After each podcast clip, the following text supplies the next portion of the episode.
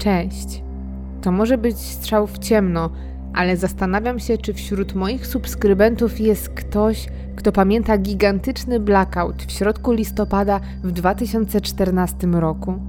Było to chyba największe wydarzenie w tamtym czasie, a jednak mam wrażenie, że nikt o nim już nie pamięta, a nawet jeśli, to nie chce o tym rozmawiać.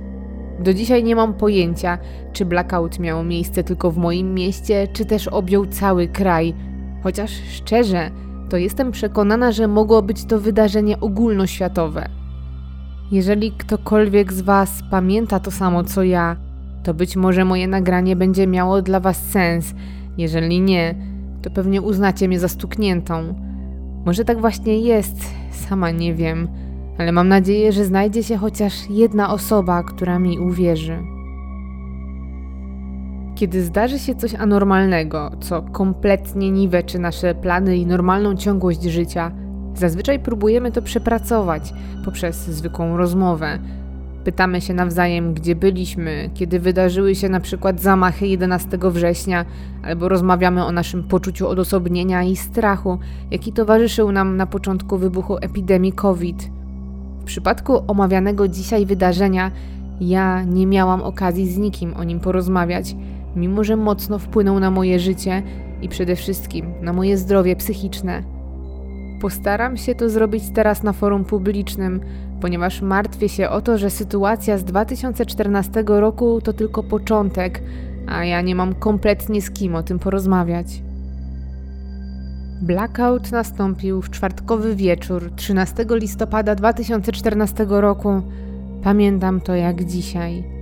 Wtedy ja i mój były mieszkaliśmy w jego rodzinnym mieście, więc często odwiedzaliśmy dom jego rodziców, żeby zjeść kolację i obejrzeć jakiś film w telewizji. Każde z nas było zbyt zmęczone po całym dniu pracy, żeby jakoś specjalnie się socjalizować. Po prostu siedzieliśmy na kanapie i oglądaliśmy jakiś serial komediowy, od czasu do czasu śmiejąc się pod nosem z co lepszego gagu. Tak w sumie wyglądał cały nasz wieczór, aż do momentu, gdy zgasły światła. Musiało się to stać w okolicy godziny 20, bo doskonale pamiętam, że leciała akurat wtedy czołówka na wspólnej. Została jednak przerwana, bo nagle telewizor i wszystkie światła w salonie zgasły. Kiedy wyjrzałam za okno skierowane w stronę ulicy, ujrzałam ciemność. U wszystkich sąsiadów było ciemno, latarnie też zgasły. Nie był to pierwszy raz, kiedy w przypadkowym momencie na osiedlu wyłączyli prąd, więc nie przejęliśmy się tym zbytnio. Siedzieliśmy tak dobrą chwilę, licząc, że prąd zaraz wróci. Nikt więc nie wstawał, żeby szukać świeczek czy zaglądać do korków, bo oczywistym było, że to jakaś większa awaria. Po 10, może 15 minutach moje oczy przyzwyczaiły się do ciemności i moją uwagę od razu przykuło niebo. Gwiazdy na nim świeciły tak mocno, jak gdybyśmy byli na kole podbiegunowym. Moi niedoszli teściowie wychowywali się na wsi na Podlasiu, jednak jak sami przyznali, żadne z nich nigdy nie widziało tak jasno świecącego w nocy nieba.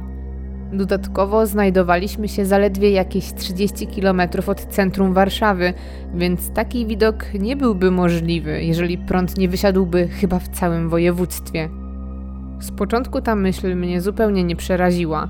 Było to bardziej uczucie pokroju nareszcie dzieje się coś ciekawego, albo będzie co opowiadać wnukom. Była też niedziela wieczór, więc razem z moim byłym chichraliśmy się, że być może z powodu braku prądu uda nam się uniknąć pójścia do pracy i będziemy mieli darmowe wolne i tym samym niezapowiedziany długi weekend. Pogoda za oknem była spokojna, było w sumie tak dziwnie sielsko. Gdy minęła godzina i nie zanosiło się na to, aby prąd miał szybko powrócić, rozeszliśmy się po domu w poszukiwaniu skarbów. Zgromadziliśmy szybko latarki i świeczki, Mama mojego eksy zrobiła nam kakao na gazowej kuchence, a tata przytargał ze strychu całą stertę planszówek i stare radio na baterię, które ustawił na blacie, ale na każdej fali było słychać jedynie szum. Wzruszyliśmy ramionami. Najwidoczniej stacje radiowe również nie mają prądu, albo może to stare radyjko po prostu nie działa.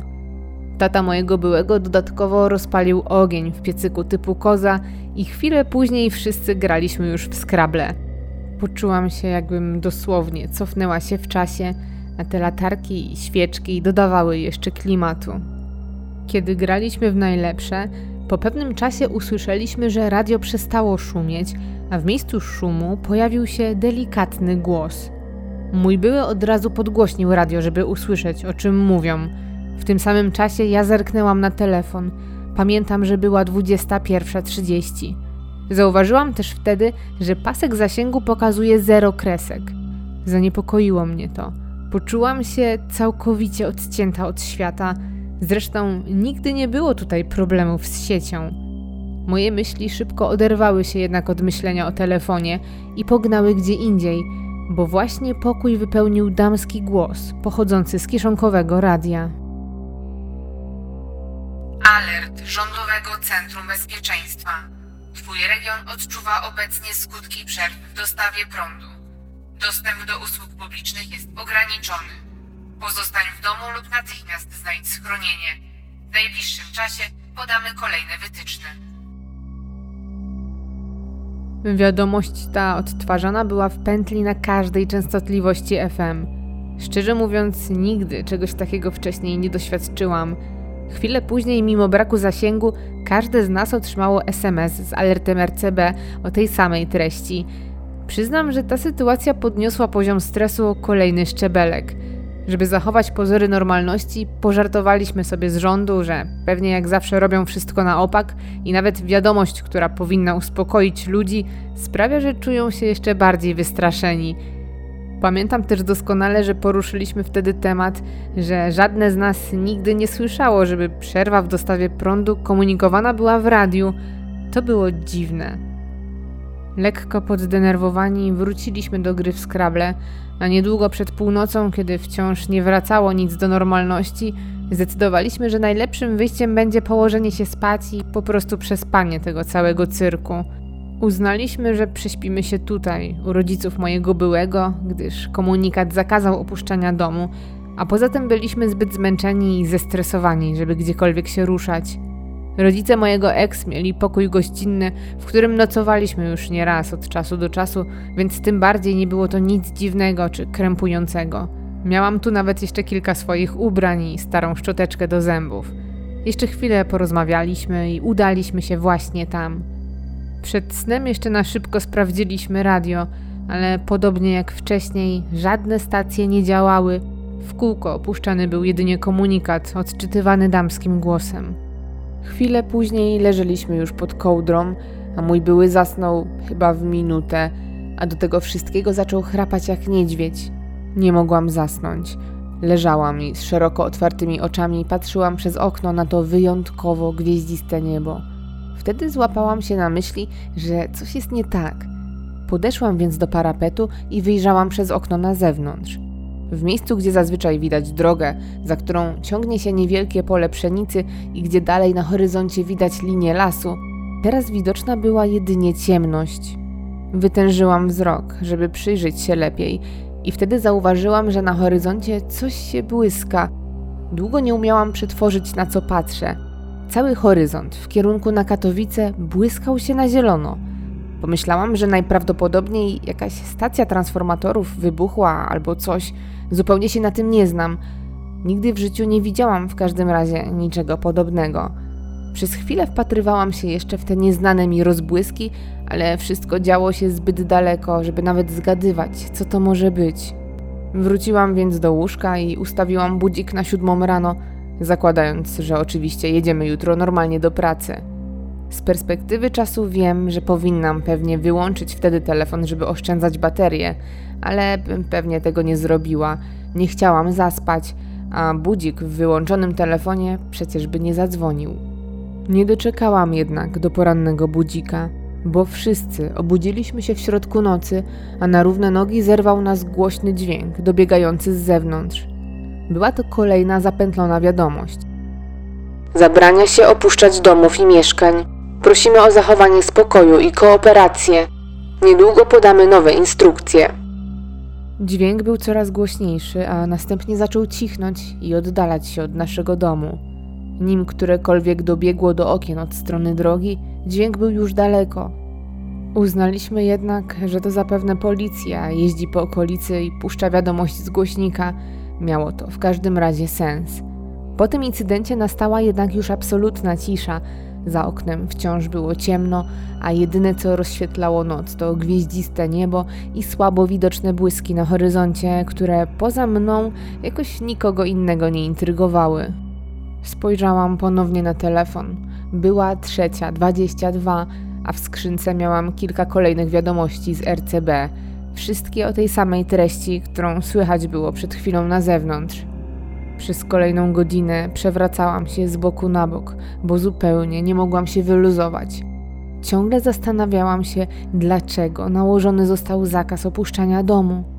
Dopiero sporo po czwartej nad ranem udało mi się trochę uspokoić i zasnąć, już chyba z absolutnego zmęczenia. Długo jednak nie pospałam, bo obudził mnie budzik nastawiony na siódmą piętnaście. Na dworze robiło się już jasno, jednak w pokoju panował półmrok. Odruchowo zapaliłam lampkę nocną, ale nic się nie stało. Prądu wciąż nie było. Zrobiło mi się smutno i odwróciłam się do mojego byłego, ale i jego nie było w łóżku. Wyjrzałam jeszcze raz przez okno, żeby sprawdzić, czy zielone błyski wciąż widoczne są na horyzoncie, ale i tam niczego nie zauważyłam. Widok ten mnie trochę uspokoił, przynajmniej dał nadzieję, że wszystko wróci do normalności. Zeszłam na dół, gdzie wszyscy siedzieli już przy stole i kończyli śniadanie. Najwyraźniej wstali przede mną i nie chcieli mnie budzić. W czasie, gdy nie doszła teściowa, nalewała mi mleko do płatków owsianych, włączyłam radio, ale komunikat rozbrzmiewał bez zmian. Alert Rządowego Centrum Bezpieczeństwa. Twój region odczuwa obecnie skutki przerw w dostawie prądu. Dostęp do usług publicznych jest ograniczony. Pozostań w domu lub natychmiast znajdź schronienie. W najbliższym czasie podamy kolejne wytyczne. Razem z moim byłym uznaliśmy, że nie idziemy do pracy. Wciąż nie było prądu, telefony nie działały, a teraz policja jeździła już co chwilę po okolicy, nakazując pozostanie w domach. Widzieliśmy nawet z okna, jak jeden sąsiad wychodził z teczką i natychmiast został zawrócony do środka. Zresztą noc była ciężka, spaliśmy krótko, szczególnie ja. Skoro mamy więc siedzieć w domu, to jest to dobra okazja, żeby odespać. Położyliśmy się więc trochę ze zmęczenia i trochę dla przeczekania. Po pewnym czasie obudziło nas pukanie do drzwi. To była mama mojego byłego. Dopytywała, czy przypadkiem nie śpimy. Kiedy odpowiedzieliśmy, że teraz już nie, spytała nas możliwie spokojnym tonem, czy możemy zasunąć rolety i zasłony i zejść szybko na dół. Oboje spojrzeliśmy na siebie porozumiewawczo. To była nagła, jednocześnie dziwna prośba, ale ją spełniliśmy. Kiedy starsza kobieta usłyszała w naszym pokoju poruszenie, weszła do pomieszczenia, jednocześnie pukając, tak już tylko pro forma. Ale nawet nie mieliśmy okazji się do tego przyczepić, bo to, co trzymała w rękach, kompletnie zbiło nas z tropu. Były to rolki, taśmy pakowej oraz skrzynka z narzędziami. Zanim zapytaliśmy o co chodzi, mama mojego ex wręczyła mu skrzynkę do rąk i poprosiła, aby szybko zszedł na dół pomóc ojcu, jednocześnie mnie wcisnęła rolkę taśmy. Mój były bez dyskusji pobiegł posłusznie na dół, a ja stałam zdezorientowana z taśmą w ręku, patrząc jak moja niedoszła teściowa przykleja zasłony do ścian, tak aby zakleić wszystkie możliwe szpary. Nie do końca jeszcze kontaktując, nie skomentowałam tego i po prostu zeszłam na dół, żeby spytać ojca mojego byłego, o co tutaj chodzi, bo to człowiek konkretny i daleki od wszelkich paranoi.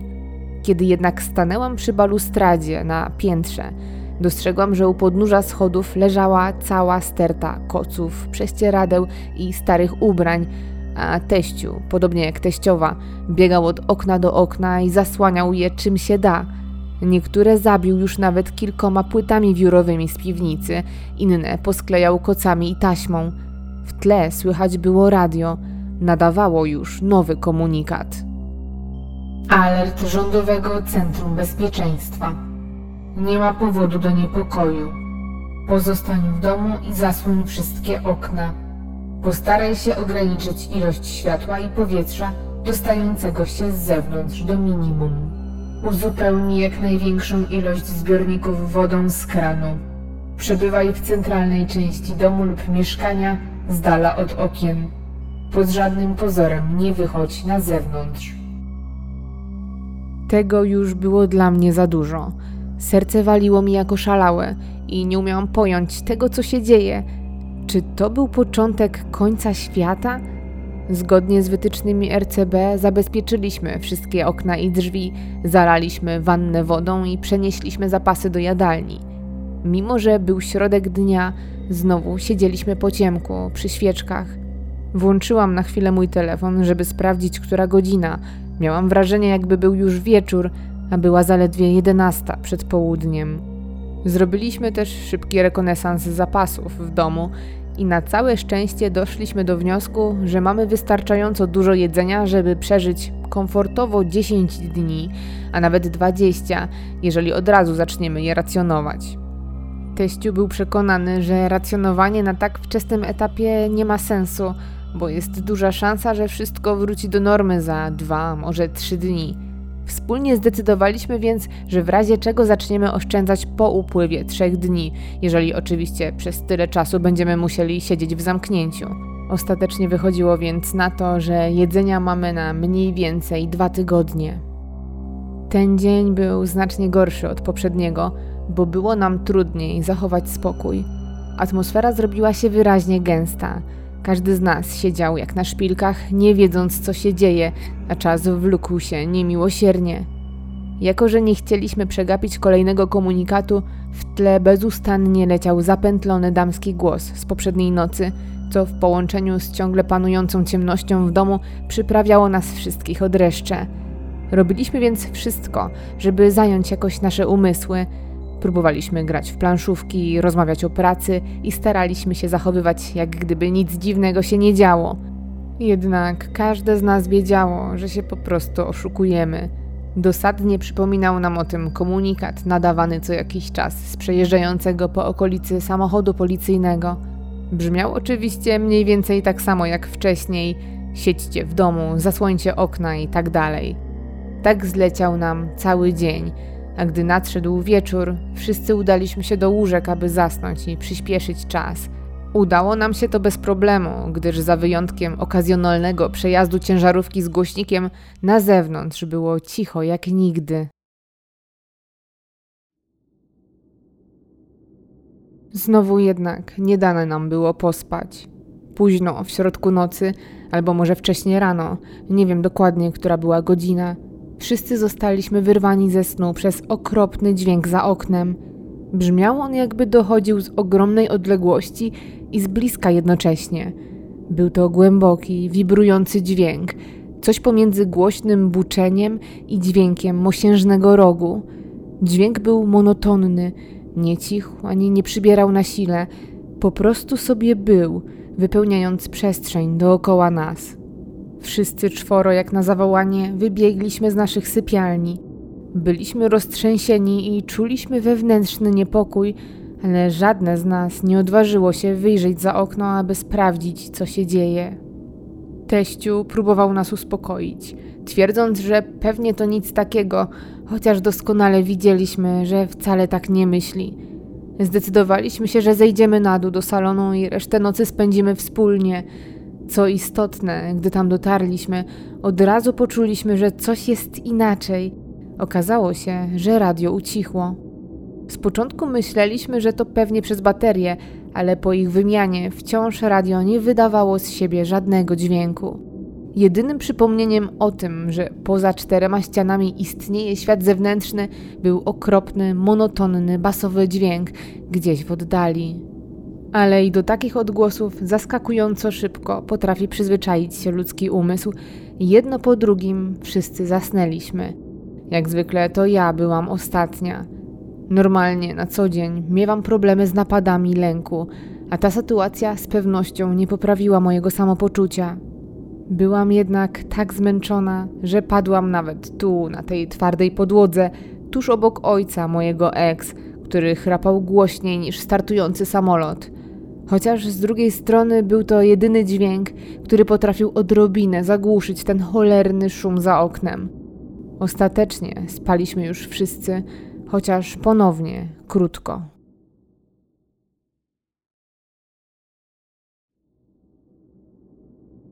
W sobotni poranek, mimo tego ciągle rwanego snu, to ja byłam pierwsza na nogach.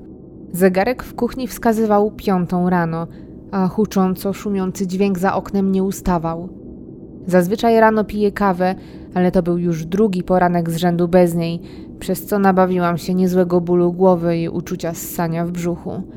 Przeczesałam wszystkie szafki w kuchni w poszukiwaniu czegoś, co dostarczyłoby mi kofeiny, jednak na próżno. Znalazłam za to opakowanie ibuprofenu. Szybko połknęłam dwie tabletki w nadziei na jakieś ukojenie. Wracając do salonu, złapałam za radio i przeleciałam jeszcze raz przez wszystkie stacje radiowe, jednak bez żadnego efektu. W eterze było całkowicie cicho. Siedząc tak w ciemności i czekając aż inni wstaną, moją uwagę zwrócił zielony błysk, który dostrzegłam kątem oka. Rozejrzałam się dookoła i zauważyłam, że taśma na jednej z zasłon się odkleiła. Natychmiast podbiegłam ją przykleić na nowo, ale kiedy byłam już blisko okna, poczułam ogromną chęć, żeby wyjrzeć za okno. Skorzystałam więc z okazji i zrobiłam to, jednak nie zobaczyłam tam nic nowego. Na horyzoncie wciąż widoczne były te same zielone błyski, które widziałam dzień wcześniej, a w bezpośredniej okolicy nie było widać prawie nic. Przykleiłam więc zasłonę do ściany i chwyciłam książkę z zasadami do gry w Scrabble i po prostu czekałam, aż w końcu wstaną inni, żeby móc się do kogoś odezwać. Nie wiem, jak ta sobota wyglądała z waszej perspektywy, o ile w ogóle ją pamiętacie, ale w naszym przypadku nie działo się kompletnie nic. Tak właściwie to cieszę się, że tak było. Dzień zaczęliśmy od śniadania, zjedliśmy trochę bananów i sera, który wciąż wydawał się relatywnie świeży. Później zabraliśmy się za rozrywkę. Najpierw zagraliśmy w Scrabble, ale za jakiś czas przerzuciliśmy się na Uno. Po południu rodzice mojego ex pozwolili mi zajrzeć do ich sypialni, gdzie mieli dosyć pokaźną półkę z książkami. Dzięki temu mogłam w końcu dać spokój instrukcji Scrabli, którą znałam już na pamięć. W tle cały czas towarzyszył nam basowy szum za oknem, a radio znów zaczęło nadawać w kółko ten sam komunikat co wcześniej. Co przerażające, mam wrażenie, że zaczęliśmy przyzwyczajać się do tego stanu rzeczy. Może dlatego, że ten poranny rzut oka za okno mnie uspokoił. Zielone błyski wciąż przyprawiały mnie o gęsią skórkę, ale dobrze było zobaczyć, że okolica wciąż była na miejscu i wydawała się niezmieniona w żaden sposób. Zaczęłam się również przyzwyczajać do dźwięku za oknem. Wielokrotnie łapałam się na tym, że przestawałam być świadoma jego obecności. Z drugiej strony, dzięki temu wreszcie spałam dobrze, zadziwiająco dobrze.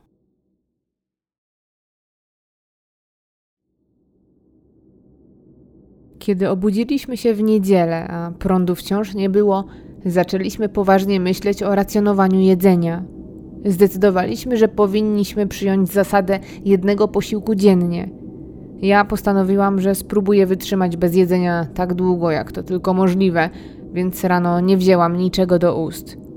Ojciec mojego byłego ponownie wymienił baterię w milczącym radiu, by mieć pewność, że nie pominiemy żadnego komunikatu, gdyby miał się jakiś jednak pojawić. Tak jak w poprzednie dni, naszym największym strachem obok niepewności i głodu była też nuda. Ponownie więc zasiedliśmy do stołu w jadalni i wyciągnęliśmy stos planszówek i kart – Grę umilaliśmy sobie rozmowami na różne powiązane tematy, ale zawsze, prędzej czy później, rozmowa schodziła na temat blackoutu i tego, czy sytuacja, w której się znajdujemy, jest rzeczywiście tak poważna, czy to też tylko reakcja na wyrost naszych władz. Nikt nie mówił tego na głos, ale widziałam, że każde z nas przeczuwa, że to, co się działo dookoła, to coś więcej niż tylko zwykła awaria elektrowni. Nadszedł niedzielny wieczór a przynajmniej tak wskazywał zegar w kuchni, bo ciężko było to stwierdzić, mając kompletnie rozregulowany zegar biologiczny i siedząc cały czas w ciemności przy świecach i latarkach. Namówiliśmy rodziców mojego byłego na zagranie w karty przeciwko ludzkości, które dostali od nas w ostatnie święta. Znaleźliśmy je w szafce w przedpokoju, leżały tam zapakowane w oryginalną folię. Obiecaliśmy im, że jeżeli coś tego wieczora ma im poprawić nastroje, to z pewnością będą to właśnie te karty. Nie pamiętam, kiedy ostatnio tak dobrze się bawiłam. Zatraciliśmy się w grze tak bardzo, że każde z nas zapomniało o sytuacji, w jakiej się znaleźliśmy. Otworzyliśmy nawet butelkę wina, a później drugą i trzecią. Graliśmy chyba już czwartą lub nawet piątą rundę kart, kiedy nagle zaczęło dosłownie trząść domem. Mieszkaliśmy na Śląsku, więc tąpnięcia nie są nam obce. Jednak typowe tąpnięcie trwa od dwóch do może pięciu sekund i po prostu się kończy. Tu zaś trzęsło domem cały czas, jak w prawdziwym trzęsieniu ziemi. Obrazy spadały ze ścian, książki z półek. Cały dom zgrzytał, jakby miał się zaraz zawalić. Zasłony i koce przyklejone do ścian zaczęły spadać, a my biegaliśmy jak poparzeni, próbując jak najszybciej przykleić je na swoje miejsce. Pamiętam z filmów, że w przypadku trzęsienia ziemi powinno stanąć się w progu drzwi, jednak coś podpowiadało mi, że muszę przede wszystkim zasłonić wszystkie okna i że to jest najważniejsze zadanie. Kiedy trzęsienie ziemi ustąpiło, tak samo nagle jak się pojawiło, dźwięk spadających na ziemię przedmiotów i trzeszczących ścian zastąpiony został dźwiękiem syren alarmowych. Szybko zorientowałam się również, że basowy dźwięk w tle, który towarzyszył nam od kilku dni, nagle zaczął narastać. Miałam wrażenie, jakby jego źródło zbliżało się w naszą stronę. Im głośniejszy był dźwięk, tym bardziej basowo zaczynał brzmieć, do tego stopnia, że szyby w oknach zaczęły głośno drżeć. Mimo tego hałasu udało nam się usłyszeć, że komunikat w radiu zmienił się. Tym razem jednak nie był to znajomy kobiecy głos. Osoba za mikrofonem wciąż mówiła po polsku, ale nie umiałam określić, jakiej płci była. Głos speakera był dziwny i metaliczny. To nie są ćwiczenia. Pozostańcie w swoich domach. Pod żadnym pozorem nie wychodźcie na dwór. Pod żadnym pozorem nie wyglądajcie przez okna. Natychmiast znajdźcie centralny punkt w waszym domu i połóżcie się na ziemi. Zakryjcie oczy i uszy. Pod żadnym pozorem nie wyłączajcie radia. I tak w kółko. Natychmiast zrzuciliśmy się na podłogę w salonie, tuż obok schodów, podczas gdy dźwięk za oknem cały czas rósł na sile, jakby coś się zbliżało. Trzęsienie ziemi już dawno się skończyło, ale dom wciąż wibrował. Do tego ten metaliczny, robotyczny głos wciąż powtarzał: Pozostańcie w swoich domach, pod żadnym pozorem nie wychodźcie na dwór. I dokładnie w tym momencie, gdy padały te słowa, doznałam największego ataku paniki w swoim życiu. Mój psycholog zawsze powtarzał, że mam katastroficzne myśli i że zawsze zakładam najgorszy możliwy scenariusz. Tak było i w tym wypadku. Byłam przytłoczona rzeczywistością i poleceniami, jakie nam wydawano. Napełnić wannę wodą, zakryć wszystkie okna i drzwi, a w szpary wcisnąć ubrania, leżeć na ziemi w centralnej części domu. Do tego ten hałas, wibracje. Byłam pewna, że zaraz umrzemy. Wszystko układało się w jedną całość. Pewnie za chwilę spadnie na nas bomba atomowa i w ułamku sekundy zmieni nas w pył, a nawet jeśli przeżyjemy, to zginiemy od choroby popromiennej. Myśli kotłowały się w mojej głowie i nie umiałam już nad tym zapanować. Tego było za wiele, było za głośno, a stres był za duży. Za dużo rzeczy działo się jednocześnie, już nie mogłam oddychać. Czułam, jak dosłownie brakuje mi tchu. Musiałam natychmiast wyjść na dwór i zaczerpnąć świeżego powietrza. Za chwilę miałam zginąć na podłodze w salonie moich niedoszłych teściów, gdzie od trzech dni siedzieliśmy w kompletnej ciemności. Nie myślałam wtedy racjonalnie. Uznałam, że walić to. Jeśli mam zginąć, to nie w ten sposób. Wstałam i wystrzeliłam jak z procy w stronę drzwi. Mój były zerwał się za mną i próbował pochwycić mnie, krzycząc, że nie mogę wyjść, bo zginę. Próbował nawet za mną biec, ale w ostatnim momencie jego ojciec złapał go za rękę i zaciągnął z powrotem do salonu. Ja natomiast byłam już przy drzwiach. Kiedy wyciągnęłam rękę do klamki, usłyszałam suche stój, nie otwieraj drzwi. Odwróciłam się ostatni raz, widząc sylwetki osób, z którymi spędziłam moje ostatnie chwile. Stali bokiem, odwracając głowy i zasłaniając oczy, robiąc wszystko, co możliwe, żeby przypadkiem nawet nie wyjrzeć na dwór. Nie było jednak siły, która mogłaby mnie teraz powstrzymać. Nacisnęłam na klamkę. Moi towarzysze zaczęli krzyczeć, a ja wypadłam na zewnątrz. Ich krzyki nagle zniknęły za drzwiami, które zatrzasnęły się za moimi plecami.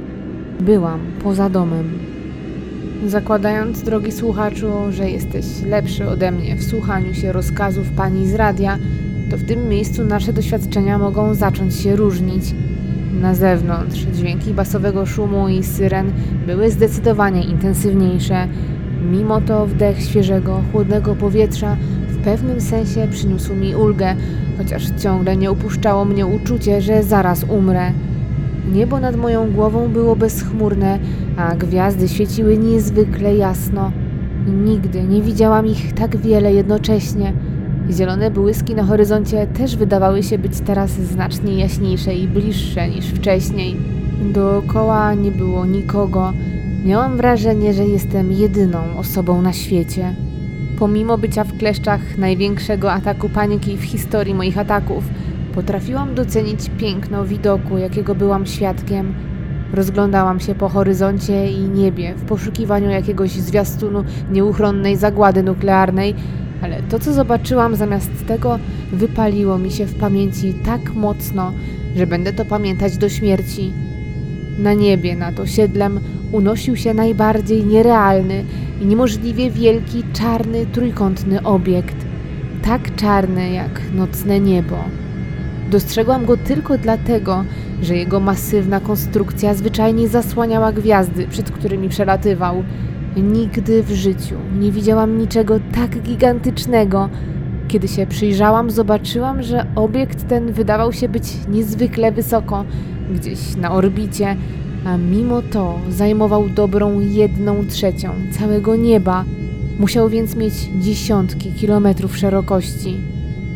Kiedy obserwowałam sylwetkę gigantycznego trójkąta przemierzającego nocne niebo, basowy dźwięk w tle zaczął cichnąć. Również syreny powoli traciły na intensywności.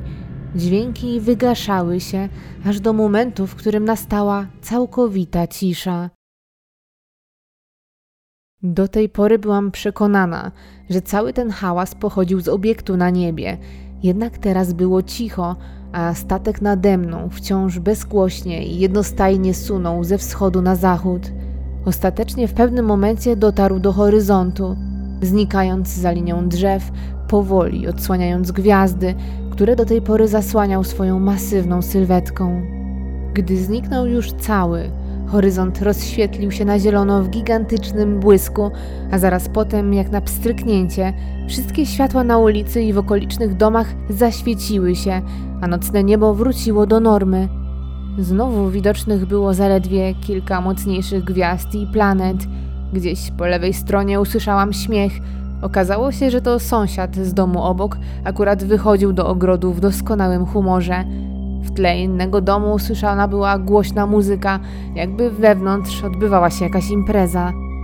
Stałam na środku drogi wbita w ziemię i ciągle gapiłam się na horyzont, za którym zniknęło to coś, kiedy nagle, jakby nigdy nic, przejechał obok mnie samochód trąbiąc, żebym zeszła na bok.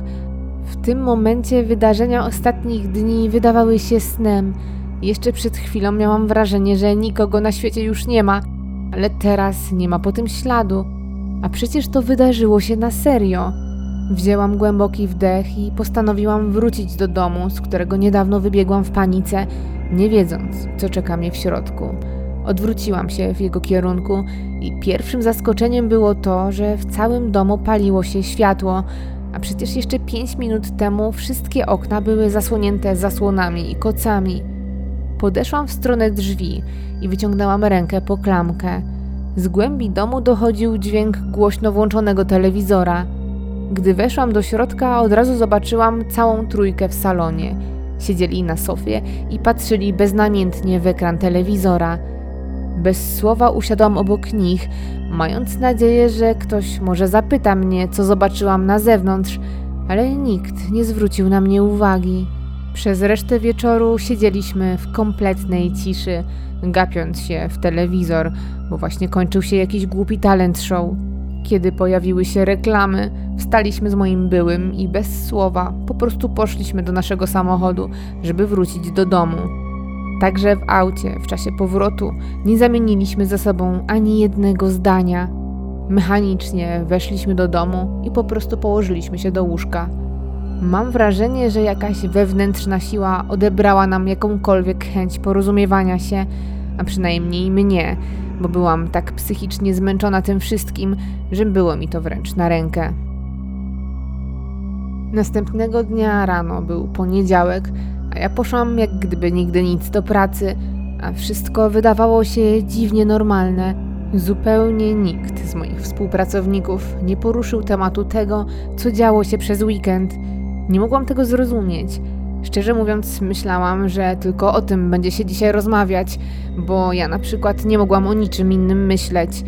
Ale było zupełnie inaczej, przez co cały dzień spędziłam na gapieniu się na zegarek i wyczekując szesnastej.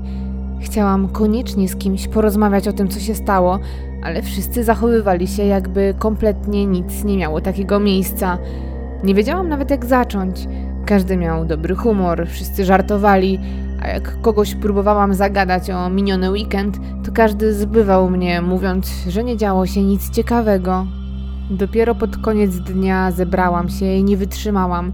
Postanowiłam sama zagadać do jednej z moich koleżanek trochę bardziej konkretnie. Zapytałam się, jak się trzyma i jak przetrwała te ostatnie trzy dni.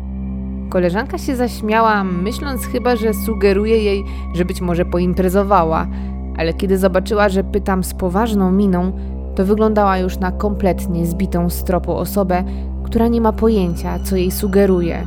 Nie mogła tak grać. Faktycznie, po prostu nie wiedziała, o czym do niej mówię. Zaczęłam więc dopytywać o szczegóły przebiegu jej soboty czy niedzieli, ale ona miała wyraźny problem, żeby sprecyzować, jak wyglądały jej ostatnie dni. Rzucała tylko ogólnikami typu byłam w domu, nigdzie się nie ruszałam, nudy. Im ją bardziej naciskałam, tym bardziej ją to irytowało, że wypytuje o nieistotne rzeczy, mimo że przecież udzieliła mi już odpowiedzi. Odpuściłam. Wiedziałam, że to nie ma sensu. Potem rozmawiałam z innymi ludźmi i za każdym razem było to samo, a jestem przecież przekonana, że nikt, kto przeżył chociaż odrobinę tego, co ja, nie zachowywałby się w ten sposób.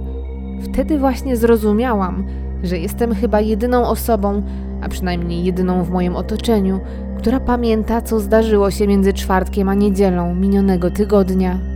O tamtych wydarzeniach nie pamięta nikt, nawet moi towarzysze z tamtych dni. Dla nich był to weekend jak każdy inny. Czas powoli mijał, zacierał wspomnienia. Ciężko było już kogoś pytać o zwyczajny weekend sprzed kilku tygodni. Zaczęłam czuć się jak wariatka. Moje jakiekolwiek próby drążenia tematu sprowadzały się do dziwnego patrzenia na mnie i pytania, czy wszystko ze mną dobrze. Po co tak męczyć ludzi, wypytując w kółko jeden weekend? Odpuściłam. Niedługo po tym wydarzeniu rozstaliśmy się też z moim chłopakiem. Mam wrażenie, że przestaliśmy się rozumieć po tym wszystkim, jakbyśmy stali się osobami z innych światów. Miałam też do niego wewnętrzny żal, że nie mogę z nim porozmawiać o tamtych dniach. Jakby między nami powstawał mur za każdym razem, kiedy podejmowałam temat. Dzisiaj minęły już lata, ja wciąż nie poznałam nikogo, kto pamiętałby wielki blackout, trzęsienie ziemi albo basowy, buczący dźwięk w oddali, a tym bardziej gigantyczny obiekt na niebie i zielone błyski na horyzoncie. Jeżeli ktokolwiek tutaj wie, o czym mówię, błagam, żeby dał mi znać. To wydarzenie całkowicie zmieniło moje życie i pojmowanie rzeczywistości, a mimo to nie mam kompletnie nikogo, z kim mogłabym o tym porozmawiać. Nawet jeśli nie widzieliście dziwnych obiektów na niebie, fajnie byłoby poznać kogoś, kto pamięta chociaż noc, w której wysiadł wszędzie prąd, bo czuje się jak z innej planety. Wspomnienia tego dnia zostały jakby wymazane z historii i wspomnień wszystkich oprócz mnie. Czy to jest w ogóle możliwe? Czy faktycznie jestem jedyna? Przez tyle lat trzymałam język za zębami w obawie przed ostracyzmem ze strony rodziny i przyjaciół. Nie drążyłam tematu, kiedy na wstępie widziałam, że nic nie pamiętają. Jednak dzisiaj dałabym wszystko za to, żeby odnaleźć kogoś, kto wie o czym mówię. Od kilku lat co noc spoglądam w niebo w poszukiwaniu czegoś wykraczającego poza normę Jednak przez lata nic takiego nie widziałam. Sytuacja zmieniła się za to pół roku temu. Wtedy zobaczyłam na niebie sylwetkę czegoś bezgłośnie przelatującego po nocnym niebie. Tym razem jednak było to znacznie mniejsze, bo w jednym momencie zasłaniało jedną, może dwie gwiazdy. Jednak na pewno tam było. Od tamtej pory niemal każdej nocy jestem w stanie dojrzeć nawet kilka takich mniejszych obiektów przymierzających horyzont. Jeżeli więc dzisiejszej nocy wyjdziecie na dwór, spojrzycie wysoko w górę, to być może i wy dojrzycie jeden z nich. Nie jest to łatwe zadanie, ale zapewniam, patrzcie na gwiazdy i szukajcie tych, które znikają na chwilę i ponownie się pojawiają. Wtedy poznacie, jaką trasą się poruszają, a w odpowiednich warunkach uda Wam się nawet dostrzec ich trójkątny kształt. Ostatniej nocy, kiedy ich wypatrywałam, mam wrażenie, że znowu zobaczyłam zielone błyski. Były co prawda znacznie słabsze niż tamtego feralnego weekendu, ale mam wrażenie, że z czasem, gdy robiło się coraz później, błyski stawały się coraz jaśniejsze. Mało ostatnio śpię, więc być może to tylko moja wyobraźnia. Już sama nie wiem. Przysięgam też, że ostatniej nocy znowu zaczęłam słyszeć delikatny, basowy szum w oddali, ale ponownie rozczarowanie, że kolejnego dnia nikt o tym nie rozmawiał. Być może dlatego, że była to trzecia w nocy i wszyscy spali, a może po prostu to ja ześwirowałam. Od 2014 roku mój stan zdrowia psychicznego jest nie najlepszy, więc kto wie. Chciałabym jednak wierzyć, że nie oszalałam. Zastanawiam się też, czy takiego rodzaju wydarzenia miały miejsce przed 13 listopada 2014 roku, ale wtedy również nikt ich nie zauważył. Staram się przygotować na najczarniejszy scenariusz, a także na powtórkę tych wydarzeń. Nie wiem, czym są te małe obiekty, które widuję co noc na niebie, ani czym był ten gigantyczny, który widziałam w 2014 roku. Wiem jednak w głębi, nie wiem skąd, ale wiem to na pewno, że wróci i to prędzej niż później. Jeżeli wróci, to tym razem postarajcie się zapamiętać to, co się stało. Jeżeli chcesz wesprzeć moją twórczość, możesz subskrybować mój kanał, zostawić komentarz, ale też obserwować moje media społecznościowe. Zapraszam Cię też serdecznie na patronite.pl ukośnik Olga Herring, gdzie możesz zostać moim patronem. Wszystkie linki znajdziesz w opisie filmu. Serdeczne podziękowania dla moich szczególnych patronów, którymi są Gosia, Dawid, Olga A, Joker Hamburg, Adrianna, Maciek, Olga S, Kasia, Ania, Alina i Łukasz. Dziękuję, że jesteście.